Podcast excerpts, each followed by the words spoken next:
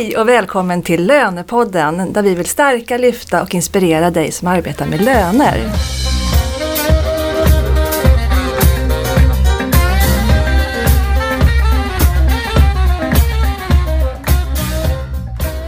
Jag heter Katarina Sand och jag jobbar på rekryteringsföretaget Vice Professionals i Stockholm med just det här att lyfta, stärka och inspirera er som arbetar med löner på olika sätt. Och det här är faktiskt premiäravsnittet av Lönepodden. Och det är otroligt spännande och jag är så glad att vi är här den 25 januari. Samtalsämnet i det här första avsnittet är arbetsgivardeklaration på individnivå som kommer att ersätta den, den årliga kontrolluppgiften och som kommer att införas i två steg. 1 juli 2018 och resten kommer att gå på det här den 1 januari 2019. Jag är inte ensam här i studion utan jag har med mig min bisittare här, Senny Sjölund från SRF-konsulterna. Välkommen! Hej hej! Hej! SRF-konsulterna, ni är ju faktiskt samarbetspartner till Lönepodden tillsammans med Knowit 2RM. Ja, och det här är ju, det känns ju som någonting som verkligen skulle stärka lönebranschen ytterligare. Ja. Så det var ju givet att hoppa på en sån här sak Det sa faktiskt jag Lönepodden. direkt när jag Ja. ställde frågan. Jättespännande. Det är så kul när vi hittar nya kanaler för de som jobbar med lön. Verkligen. Och hippa till oss lite. Så du kommer ju vara med här ett antal avsnitt framåt på olika teman. Ja. Och ibland kommer någon från Knowit 2RM vara med. Mm. Mm. ja, och det känns ju som en jättebra satsning att gå in i den här spännande nya kanalen för oss alla lönenördar. Ja, och väldigt tryggt för mig också ska jag säga att ha en sån löneexpert bredvid mig. Arbetsgivardeklaration på individnivå. När vi satt i vårt poddråd här i höstas så um, pratade vi om vilka samtalsämnen vi skulle ha och det här var det du sa, det här måste vi ha den 25 januari. Varför då?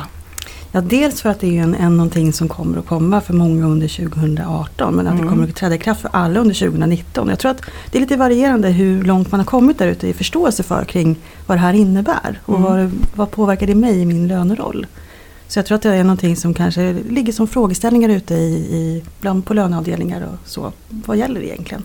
Men jag kan känna att man har inte kommit dit riktigt. Alltså, de som går på nu första juli, de är ju såklart ligger lite längre fram. Men att GDPR, det ligger där och gnager och det ska, det, det ska införas först här nu och det är den stora pucken och sen tänker man att man ska ta hand om det här. Kan det vara så? Det tror jag. Eh, när det gäller GDPR så är det ju fortfarande så att det är många som inte riktigt vet hur man ska göra. Eh, när det gäller arbetsgivardeklaration med individuppgifter så finns det tydlighet från Skatteverket vad som kommer att gälla. Det gäller bara också att få in det i sin egen organisation. Och det måste man påbörja arbetet med redan nu faktiskt. Och ni har jobbat i många år med det här på SRF-konsulterna. Ja, eh, så kontrolluppgifter och, och månatlig kontrolluppgift var ju någonting som var på tapeten redan 2010. Eh, sen har det ju jobbats vidare under flera år. Eh, och när det kom ett förslag då för fem år sedan så var det ett ganska politiskt hett förslag som föll av olika orsaker. Och sen togs det upp igen då av Skatteverket på eget initiativ och sen har det gått fort.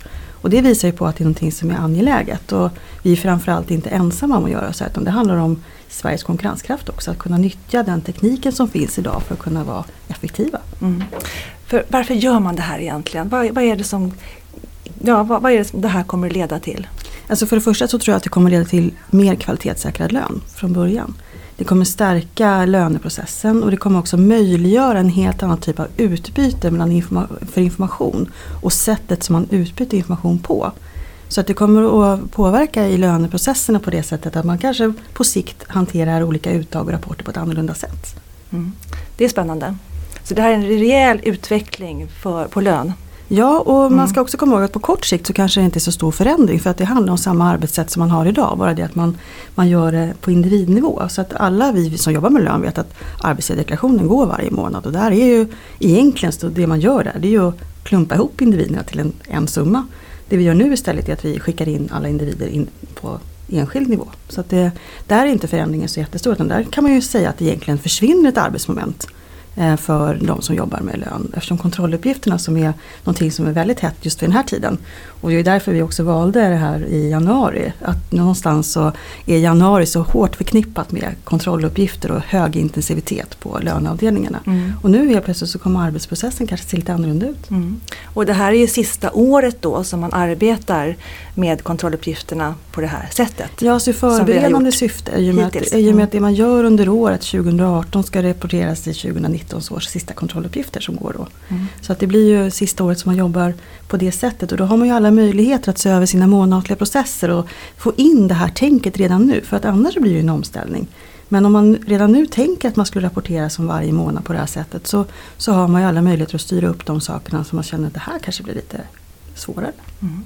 För det finns ju både möjligheter och så finns det ju alltid lite utmaningar med nya förändringar. Eh, och för att bringa ännu mer klarhet i det här och för att förstå syftet eh, och lyfta fram utmaningar eh, men också tips och idéer på hur man kan arbeta med det här så har vi bjudit in två gäster. Och det är Helena Jangelstrid på Skatteverket. Välkommen! Tackar så mycket! Du är ute mycket och informerar om det här. Ja, eh, jag eh, tillsammans med mina kollegor är ute och vi står på mässor, vi träffar samarbetspartner och och eh, träffa företagare. Mm. Mm. Och du har också jobbat tätt samman med Senny på SRF-konsulterna med det här? Ja, vi har flera beröringspunkter och eh, träffas och samarbetar. Mm. Välkommen! tack! Mm. Och sen har vi också med oss Miriam Miszewski som är lönespecialist på Skanska. För byggbranschen är ju en av de branscher som är först ut nu som går på det här då med arbetsgivardeklaration på individnivå 1 juli 2018. Välkommen! Tack så mycket, tack! Mm. Och du har ju nu suttit med i en projektgrupp på Skanska där ni har eh, börjat förbereda er. Ja, det stämmer. Och det ska vi prata mer om för där är vi väldigt nyfikna allihop. Mm, det blir spännande. Mm. Men eh, då ska vi se. Jag tycker, Senny, du har ju förklarat lite grann. Men jag tycker ändå att vi ska faktiskt fråga Helena. Om du kan lite grundläggande kortfattat beskriva nu, vad innebär detta? Arbetsgivardeklaration på individnivå. Ja, arbetsgivardeklaration det är någonting som eh, alla som jobbar med lön är väl eh, familjära med och känner igen. Eh, och det, den finns ju kvar och det är samma tidpunkter som den ska lämnas och den kan omprövas enligt samma regler. Det som nu är, är en förändring det är ju att man inte klumpar ihop alla i en summa eh, arbetsgivaravgifter och en summa eh, skatteavdrag utan man redovisar lön, eh, förmåner och skatteavdrag per anställd, alltså på individnivå. Eh, också då varje månad i arbetsgivardeklarationen. Man mm. kopplar ihop det. Och när man gör det då behöver man ju inte heller då lämna en kontrolluppgift som man har gjort då senast 31 januari året efter. Just det. Hur är det med, med de här uppgifterna? Är det samma uppgifter som skickas in via arbetsgivardeklarationen som i kontrolluppgifterna? Det är, eh, de flesta är ju samma uppgifter men vi har ju passat på och gjort ett arbete att plocka bort en del rutor också för att förenkla då för arbetsgivarna. Så att eh, det är faktiskt färre uppgifter. Men det är ju fler, fler rutor naturligtvis i arbetsgivardeklarationen eftersom det är, eh, ja, det är bilförmånen ska ju med och sådär som är, annars har varit i kontrolluppgiften. Men, mm. men, När du är ute och pratar om det här då inför arbetsgivare, vad, vad möts du av då? Vad får du för reaktioner eller frågeställningar? Vilka är de största, viktigaste frågeställningarna? De viktigaste frågeställningarna det har, det har ju varierat det, över tid faktiskt. I början så var det ju eh, övergripande om att vad är det här för någonting? Vad menas med individnivå? Och naturligtvis tidpunkterna när det börjar gälla. Nu är det ju mer eh, detaljerade frågor och, och, den vanligaste är ju just om rättelser och återkrav. Hur, hur det ska gå till eh, när man börjar kunna sätta sig in i vad lagstiftningen eh, faktiskt innebär. Mm. Eh, och reaktionerna de är ju väldigt eh, olika. En del utropar äntligen och eh, tycker att det, att det följer löneprocessen och att det, att det förenklar vad, eh, alltså det är en bra förändring. Eh, sen, sen är det ju att, att eh, alla förändringar eh, kan ju vara besvärliga. Så att, eh, men vi, många är positiva. Mm. Jag får fråga då Helena dig sen, man kan ju tycka då, jobbar man med lön, varför väljer man första juli? mitt i sommaren? Ja det är en jättebra fråga. Eh, det är ett politiskt beslut att man inte har velat vänta just med de här branscherna som för personalliggare. Eh, utan man vill att de ska in i, i den här lagstiftningen eh, med en gång och inte vänta. Annars hade vi hade ju som förslag att lagstiftningen skulle börja gälla den 1 januari 18. Eh, men då fick inte programvaruföretag och systemutvecklare och inte vi heller tillräckligt med tid på oss. Men, men man har ändå då inte velat vänta med personalliga branscherna ända till 1 januari 19. Men eh, det är som sagt ett politiskt beslut. Mm. Då måste jag passa på att fråga, är det här bara i Sverige eller är det här också i, i andra länder, Norden? Har de det här? Ja, det okay, som, som vi nämnde förut så är det SNR som, som är det så i Holland till exempel, de har varit på länge, Norge, Finland är på gång, Danmark, Ungern, Estland. Eh, så att det, det ligger i utvecklingen. Man går ju mycket mer mot ett gemensamt rapporterande överhuvudtaget och det ligger i linje med vad regeringen faktiskt tycker om digitalt först. Någonstans så ska man använda tekniken till att förbättra och förenkla. Och på sikt blir det ju så. Och det gör, ser man ju på olika, i olika länder och på olika projekt. Finns det en tanke då att GDPR kommer först här nu och sen kommer AGI, arbetsgivardeklaration på individnivå, att det, att det hänger samman på något sätt? Nej, det är olika lagstiftning. Ja, att, jo, visst, GDPR är en EU-förordning så den styr vi ju inte över. Men digital, digitaliseringen, att man, kan, att man ska rensa upp, att vi ska... Ja, så man kan ju se det som motpoler när man, om man ska jämföra, om man säger då på när det gäller digitaliseringen så kan man ju säga att den möjliggör saker som man kanske vill styrka upp och stärka integriteten hos, eh, eller möjligheten till integritet hos personer med GDPR. Eh, den kommer ju framförallt på grund av att vi har någon möjlighet vid sociala medier som vi har idag. Så det, det, är inte kopplat där för det är, det är ju fristående lagstiftning. Men, men jag tänkte fråga, när jag ändå har ordet här tänkte jag fråga Helena, hur ser det egentligen ut då med systemleverantörerna? Har ni koll på dem? Vi, vi tycker att vi har väldigt bra koll på dem faktiskt, systemleverantörerna och eh, eh, dels så har vi ju eh, ett samarbete med SRF-konsulterna med dig eh, eh, där vi träffar en, eh, ett 20-tal systemleverantörer ofta och det har vi gjort sedan 2015 tror jag. Men vi har, vi har haft kontakt med alla systemleverantörer skulle jag nästan våga påstå och de ställer frågor till oss, de har direktkanaler in så att Eh, Eh, vi, vi eh, tror mycket på att de kommer vara klara och rustade. Eller det känner vi oss säkra på. Eh, men det är så roligt, nu har vi har ju faktiskt en person från verkligheten här som ska jobba med det här praktiskt och konkret ute i byggbranschen på Skanska. Miriam Miszewski, lönespecialist. Vi är ju så otroligt nyfikna på hur ni har arbetat för det här tror jag verkligen kan inspirera våra lyssnare. Hur det här påverkar, hur påverkar det er löneavdelning på Skanska? Vi kan både se fördelar och eh, nackdelar, alltså både eh, möjligheter och eh, svagheter med det här förslaget eller den här nya regleringen. Fördelen är bland annat är att man, det är lättare att rätta när man upptäcker felen tidigt i processen. Nu kan det gå flera månader innan medarbetare och arbetsgivare upptäcker att det är fel och då blir det mer komplicerat att rätta. Sen det framtida informationsutbytet som förhoppningsvis kommer snart eh, med eh, till exempel Försäkringskassan, och Kronofogdemyndigheten och Arbetsförmedlingen och så. Eh, då blir det mindre administrativa rutiner kring blanketter och sådana um, mm, arbetsuppgifter. Då. Eh, men vi kan också se bland annat eh, som du nämnde kring årsskiftet att det blir mindre hantering eh, det blir ingen hantering med kontrolluppgifterna kring årsskiftet. Då blir det lättare med bemanningen och vi får en bättre, bättre flyt eh, kring, kring Så det kommer bli, kommer bli en jämnare arbetsbelastning liksom, över året. Ja. Men kommer det att påverka, kommer det behöva vara färre på löneavdelningen? Uh, kan det bli så till och med? Ja, ja det är svårt att säga, mm, absolut. Mm. Men eh, vi har försökt att identifiera hur kan vi förbättra vår process så att det blir rätt från början. Eh, sen eh, har vi även frågetecken kring, eller farhågor kring att medarbetarna ska betala tillbaka bruttolöneskulden istället för som man kan göra nu inom eh, året eh, i nettobelopp. Eh, hur kommer medarbetarna hantera det? Vilka frågor kommer vi få omkring det och så? Det tror jag är en väldigt, eh, väldigt vanlig förekommande frågeställning. Jag tror att där måste man hjälpas åt och se att man har en bra eh, praktisk hantering av det där. För det finns ju olika vägar in i det och jag tror att det kommer komma säkert rekommendationer i hur man ska göra dem på ett bra sätt. För man kan ju komma runt det där. eh, med, med eh, bruttolöneskulderna skulle jag säga.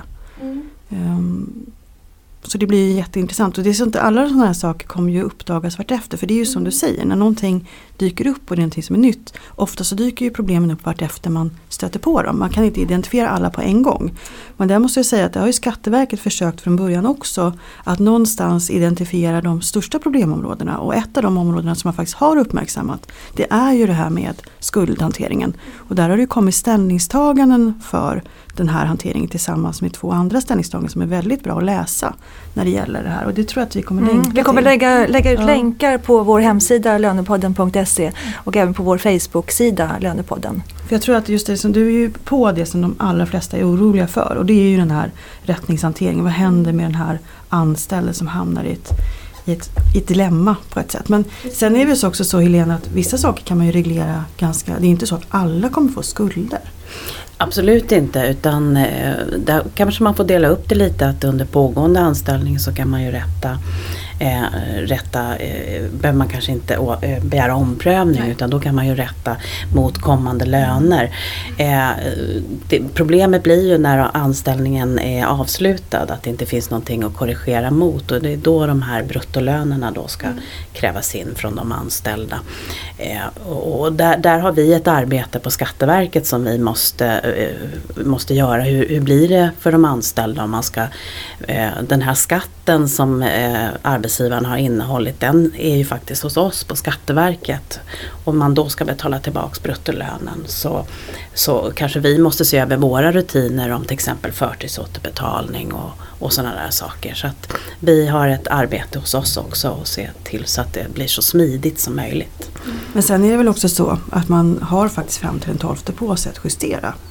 Det har man, absolut. Eh, Den, det är ju samma datum, 12 månaden efter som arbetsgivardeklarationen ska in. Och man kanske gör en löneutbetalning den 25 så att absolut.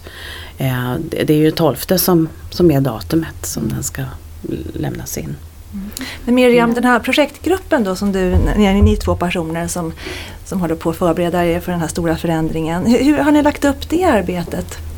Vi har, eh, gått, eh, vi har samlat in information hur AGI påverkar oss på Skanska. Mm. Sen- hur då? Genom Skatteverket? Skatteverket vi har gått, precis, Ja. Läst eh, information och gått på föreläsningar på Skatteverket, träffat Mm. skatterådgivare, våra revisorer.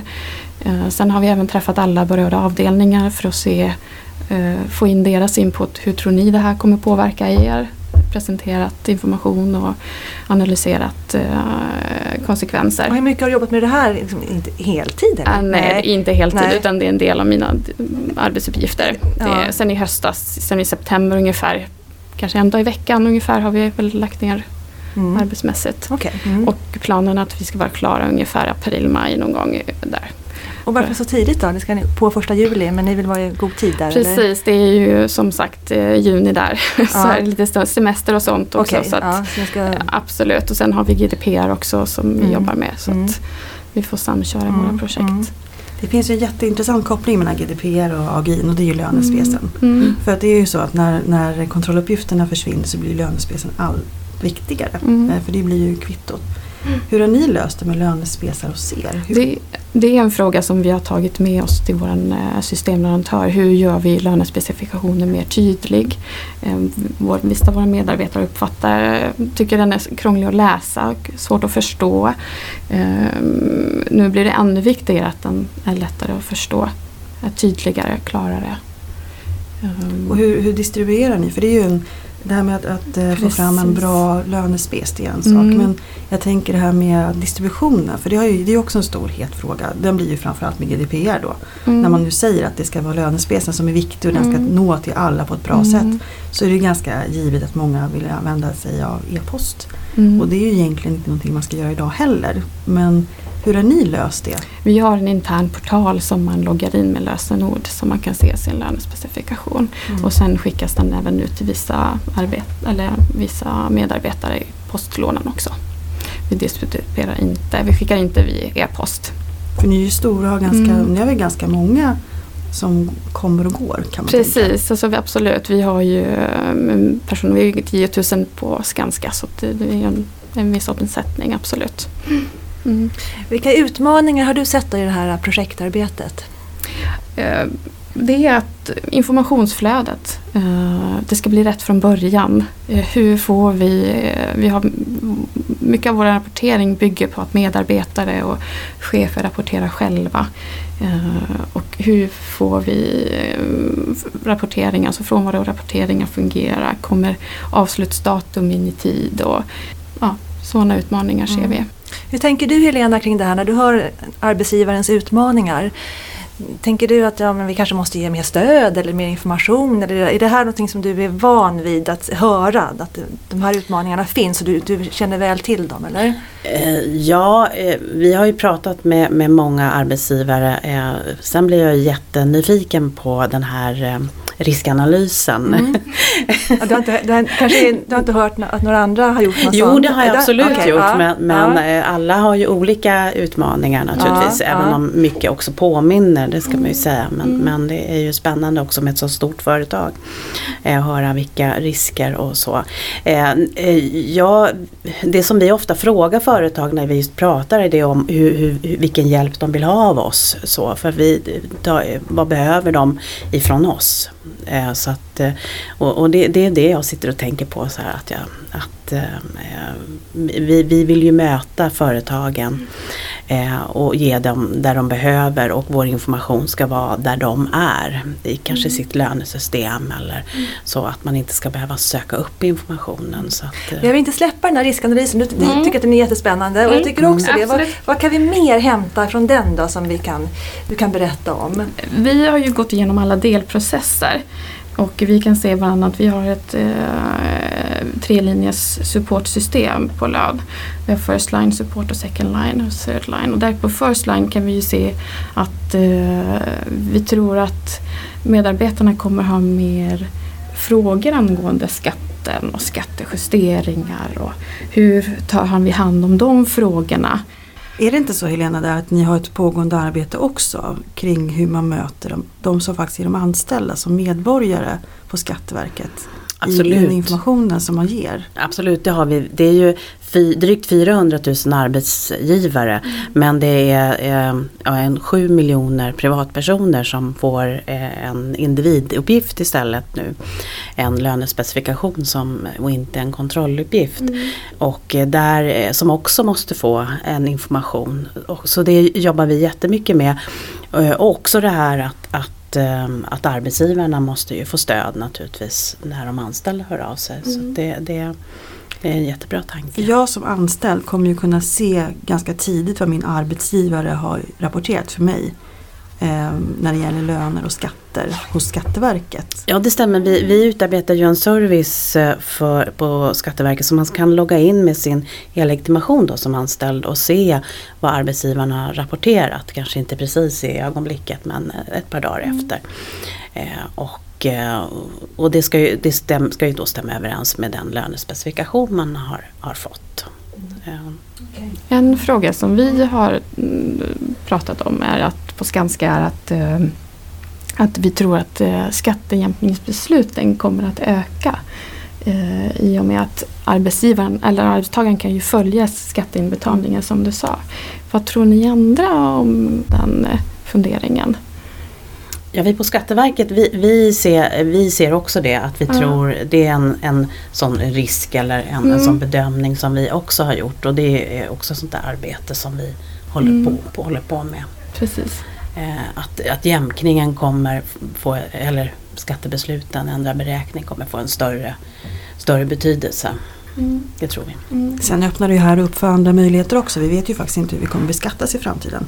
När vi rapporterar på det här sättet i framtiden så kommer det också möjliggöra en annan typ att följa skatt men vi kanske också kommer att beräkna skatt på ett annorlunda sätt. Det vet vi ju inte riktigt.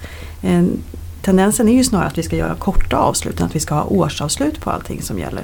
Och att man kanske vet att det kanske inte är den skatten att jag får en skatteskuld i slutet utan jag kan reglera den ganska omgående. Och det är ju med tanke på hur arbetsmarknaden utvecklas att man kanske inte har samma typ av anställningar i framtiden. Så när man har varierande anställningar och många arbetsgivare, man kanske har eget företag så är det här en jättemöjlighet att kunna se till att man har en bra privatekonomi. Mm. Ja det är det absolut. Det, Det, är ju en, en, det har man ju pratat om många år, det här med löpande beskattning. Att det är skattat och klart en månad. Eh, och det här är ju en, en möjlighet som, som kan, en förutsättning för att det i så fall ska bli möjligt en gång i framtiden. Vi är ju inte där än. Men. Nej, och det blir en mm. rättvisare bild. För om man mm. tänker då att, om du var inne på det Miriam, det här med att man faktiskt har en möjlighet att hämta uppgifter från andra myndigheter. Och det finns förslag som säger att vi kanske ska beräkna socialförsäkringssystemsutbetalningar på ett annorlunda sätt i framtiden. Så kommer det ju här bli en mer rättvisande bild än som vi gör idag. När man faktiskt uppskattar inkomster mm. så får man faktiskt ersättning utifrån reella inkomster. Så det, det är en, en, eh, stor utvecklingsmöjlighet i framtiden på de här delarna. Så den här korta förändringen som sker nu när man tittar på om jag jobbar med lön så är det det att ja visst ett arbetsmoment försvinner. Jag måste jobba bättre varje månad och vara mer rätt från början. Vilket väldigt många som har en seriös lönehantering redan idag gör. Mm. Att man ser till att man har avstämningar, man gör kontroller och rimlighetsanalyser. Eh, så är det här någonting som i framtiden kommer att göra att vi kanske jobbar ännu mer effektivt. Och då är vi lite inne på frågan där, är vi, blir vi fler eller färre som jobbar med lön? Eller utvecklar vi lönerollen till att göra andra saker? Det är en spännande del av det här. Mm. Och hur påverkar det här outsourcingföretagen undrar jag också? Att, ja, men de som arbetar med, med outsourcing på lön, att, ehm, de, att det kan bli svårt liksom att få in den information som de behöver för man vet inte riktigt de som, arbetsgiv, alltså de, de, som de arbetar för vet inte riktigt vilken typ av information de ska skicka in och då vet man inte vad man ska fråga efter heller. Att det finns liksom en svårighet där. Jag tror att det är så här, det här kommer ju tydliggöra behovet av att vi inte får bristfälliga underlag till exempel. Alltså mm. Det här mm. kommer ju tydliggöra att vi måste ha rätt förutsättningar för att göra lön. Mm. Och jag tror att det kommer tydliggöra att man måste vara bra med att eh, rapportera i tid. Och det är ju ett dilemma man har på många mm. löneavdelningar. Att underlagen kommer ut för sent eh, till de som ska hantera dem och det gäller ju outsourcing också. Mm. Så det kommer bli ännu viktigare alltså? Ja och det är, det, det är där man ska börja redan nu, att man ser till att man styr upp det Jag tänker mm. outsourcingsföretagen de har ju en jätteaffärsmöjlighet och de ska ju se över sina affärsmodeller och se över mm. hur, hur prissätter vi? Alltså kommer man in med underlagen sent då ska det kosta. Eh, kommer man in med underlagen tidigt så ska det premieras. Mm. Och till syvende och sist så är det så att om man inte gör det rätt så är det ju den anställde som kan hamna i ett, ett dilemma med att man måste betala till skatt som man inte hade räknat med. Mm. Så att vill man vara en bra arbetsgivare då ser man ju till att sköta det här. Mm. Mm, okay. Absolut. Det är någonting som vi har sett i vår analys också, att det här med interna informationsflödet det måste förbättras som du säger. Hur då? Hur gör man, hur gör man det bättre? Alltså, man får frågasätta, behöver chefen, medarbetarna bättre stöd till exempel i rapporteringen? Uh, är det någonting i vår rapportering som inte fungerar? Alltså, uh, hur skickas underlagen in? Kan vi förbättra den processen på något sätt? Uh, jag tänker också det här med att ett stort, en stor felorsak kan man säga att man inte har koll på vilka som kommer och går. Alltså slutar och börjar. Och det är ju där risken är när vi pratar som Helena nämnde det här med att det här med slutlönerna är ju jätteviktigt. Så att det handlar ju om att styra om också och vara medveten om hur man hanterar sina anställningar. Att vi har bra förutsättningar med avgångsdatum. Så att vi inte riskerar att betala ut lön till någon som faktiskt inte ska ha den. Eh, för det är ju krångligt på många sätt men nu blir det tydligare för att det här går liksom inte att justera på kort, eller på kort sikt. Men man ska göra det direkt. Det är, det är det som blir förändringen. Och det ger ju bättre förutsättningar för många av de felen om man får säga så som uppstår i lön. De är ju relaterade till att man faktiskt inte har rätt förutsättningar i underlagen. Framförallt när det gäller det här med, med eh, anställningsformer och vem som ska jobba vidare och vem som inte ska jobba. Jag tänker mm. när man har många projektanställningar mm. som ni kanske har eller när man jobbar i branscher där man har många eh, tidsbegränsade anställningar överhuvudtaget när man inte har underlagen rätt. Så att, sen på sikt kan man ju säga att det kanske kommer påverka kollektivavtalen, det vet vi inte heller i hur man rapporterar. Eftersom vi, har, hur vi rapporterar olika beroende på vad vi har för kollektivavtal. Om det är avvikelserapportering innevarande år, månad eller inte. Så att på sikt kommer det säkert att påverka men jag tror att det påverkar i rätt riktning. Men kan vi ge några tips då till konkreta tips på om man inte har satt igång det här arbetet där ute eh, på en löneavdelning. Var, vilken ända ska man börja? Ja. Och hur bråttom är det? Om man ska gå på nu första juli kontra första juli, äh, januari 2019. Ge mig lite konkreta, mm, sådär som, man, ja, kan man, som våra lyssnare kan hålla sig i. Var börjar man någonstans? Vi har börjat med att se över löneprocessen. Eh, vilka delprocesser förändras? Vilka avdelningar berörs? eh, hur ser det ut idag och hur ser det ut efter när AGI gäller och vad får det för konsekvenser? Passa på att genomlysa processen och skapa förbättringar nu när man ändå ska förändra. Så, så eh, det Och det här tips. förstår jag måste vara ett mycket större projekt för er då som har 10 000 anställda. Om man, alltså, när man tänker på en arbetsgivare som har 20 anställda. Är det samma typ av, det är samma typ av process? Ja, det tar lång tid att sätta sig in i frågorna? Man kan säga att jag tror att de större företagen kanske är mer medvetna om att de behöver göra någonting. Så att problematiken ligger kanske i de mindre företagen, att man Ja. tar det lite för lättvindigt eh, Mm. snarare. För att jag tror att är man på, på bettet som Skanska till exempel, där man ser till att man gör det här så gott i god tid inför och är medveten om vad som skulle kunna ställa till bekymmer och vad som ger möjligheter. Då har man ju, då har man ju bra förutsättningar. Det gäller att väcka upp de som kanske tar det här lite lättvindigt då. Mm. Eh, och sen är det så att oftast är det så när någonting dyker upp som man inte är van vid. Alltså om du har ett litet företag så blir löneskulder inte lika vanligt förekommande och då blir det en större grej när den väl dyker upp. Mm. Men vad händer om man inte är förberedd då, nog till den första juli? Vad händer, vilka konsekvenser får det Helena på Skatteverket? Vad, vad händer? Får det bli sanktioner Ja, alltså, eller vad, vad Just man? först, eh, det finns ju inga sanktioner så, Nej. eh, eller andra sanktioner mer än eh, förseningsavgifter och, och liknande naturligtvis. Hur stora är de då? Ja, det har jag ingen aning om. Nej. Så fråga Okej, inte det. blir, det kommer Nej, men alltså, det är, ingen, det är, ingen, det är inga nyheter. Nej, nej. Med, med, det finns ingen särskild sanktion om, om du är, är försenad med eh, arbetsgivardeklaration på individnivå. Utan det är samma sanktioner eh, som om du är försenad med en arbetsgivardeklaration idag. Eh, men jag tycker absolut att det är hög tid för alla, både första eh, juli och för de som går på första januari att påbörja processen. Och det spelar ju ingen roll hur liten eller stor man är, för dels är det ju att man måste se över sina rutiner. Men sen eh, kan det också innebära att det är förändrade roller, vem som för när man skickar in en arbetsgivardeklaration på individnivå då ser man lönerna, hur stora allas löner är. Det är också en sån där sak som man kanske måste tänka på att alla kanske inte ska se hur mycket VDn tjänar eller, eller vidare. Så att man måste se över sina, sina roller, vem som ser vad. Eh, det, det kommer finnas eh, nya behörigheter för vem som kan eh, skicka in en arbetsgivardeklaration och liknande. Så, att, så det är också en sån sak som man Är det här då måste... som, som systemleverantörerna är inkopplade när du pratar om behörigheter och vad man ska se och inte se? Vad, kommer de in i bilden? System, systemleverantörerna har vi ju frågat naturligtvis om eh, för därför att vi har in, blandat in dem när vi har utvecklat våran, våran tjänst eller våra tjänster. Eh, men, men de är ju inte så inblandade kanske i, i rollerna så att de måste söka nya ro, sö, ansöka om det här. Eh, men, men naturligtvis när de utvecklar sina system så är, har det ju varit viktigt för dem. Men, men eh, utan det här är ju eh, när man skickar in sin arbetsgivardeklaration, vem ska kunna skriva under, vem ska bara kunna skicka in filer, vem ska kunna skicka in filer och ändra men inte skriva under. Och, och det kanske är så att man, det, måste, det måste man se över och eventuellt förändra.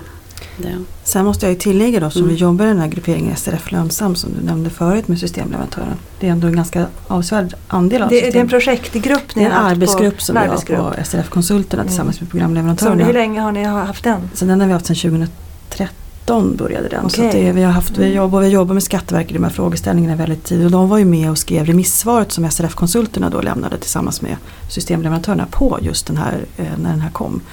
Ehm, så att det jag måste säga är att, att oftast är systemleverantörerna väldigt behjälpliga för de kan det här. De, har, de vet att det här hamnar väldigt mycket frågor kring det här hos dem. Och de är eh, informerade och, och försöker säkert också kommunicera väldigt mycket kring de här frågeställningarna. För jag tror att det är viktigt det här att förstå att det här påverkar liksom hela vägen ut till den anställde. Och den anställde har ibland, som, som Miriam var inne på också, man, man läser inte lönespec, man förstår inte konsekvenserna.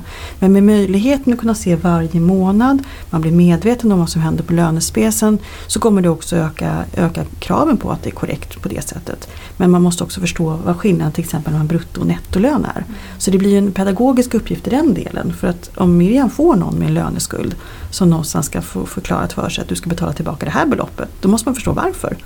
Så där är ju en, en, en pedagogisk uppgift. Och den måste man ju påbörja och börja förklara precis som Miriam var inne på att lönespecen den är viktig att titta på för den ersätter kontrolluppgiften.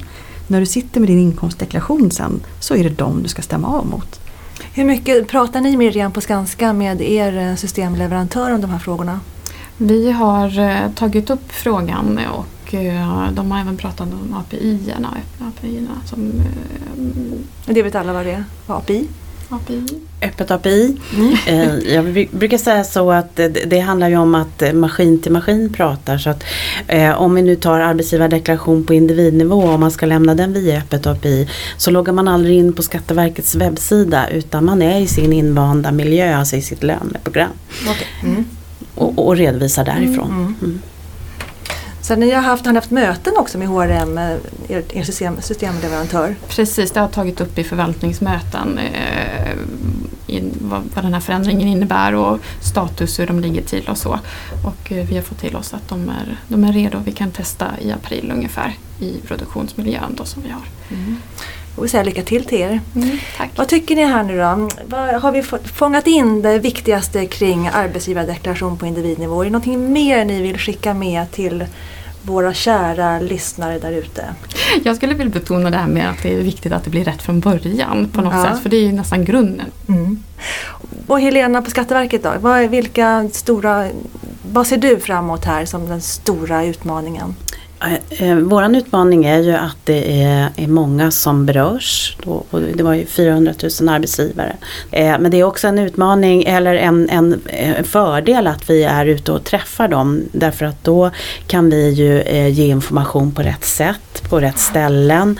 Vi kan göra vårt system så att det är så bra som möjligt.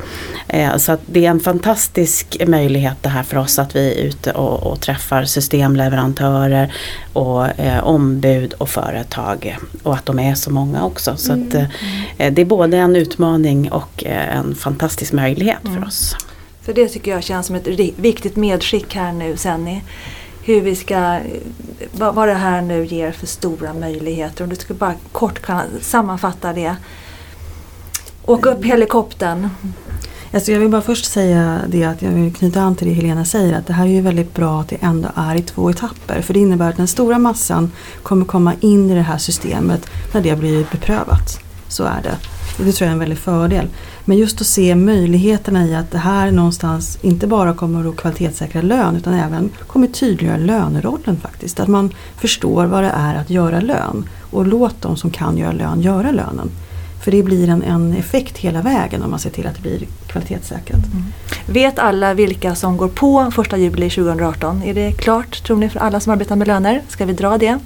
Det är en vanlig fråga så mm. varför ska vi ja, dra det? jag vi tar ja. den också. Ja.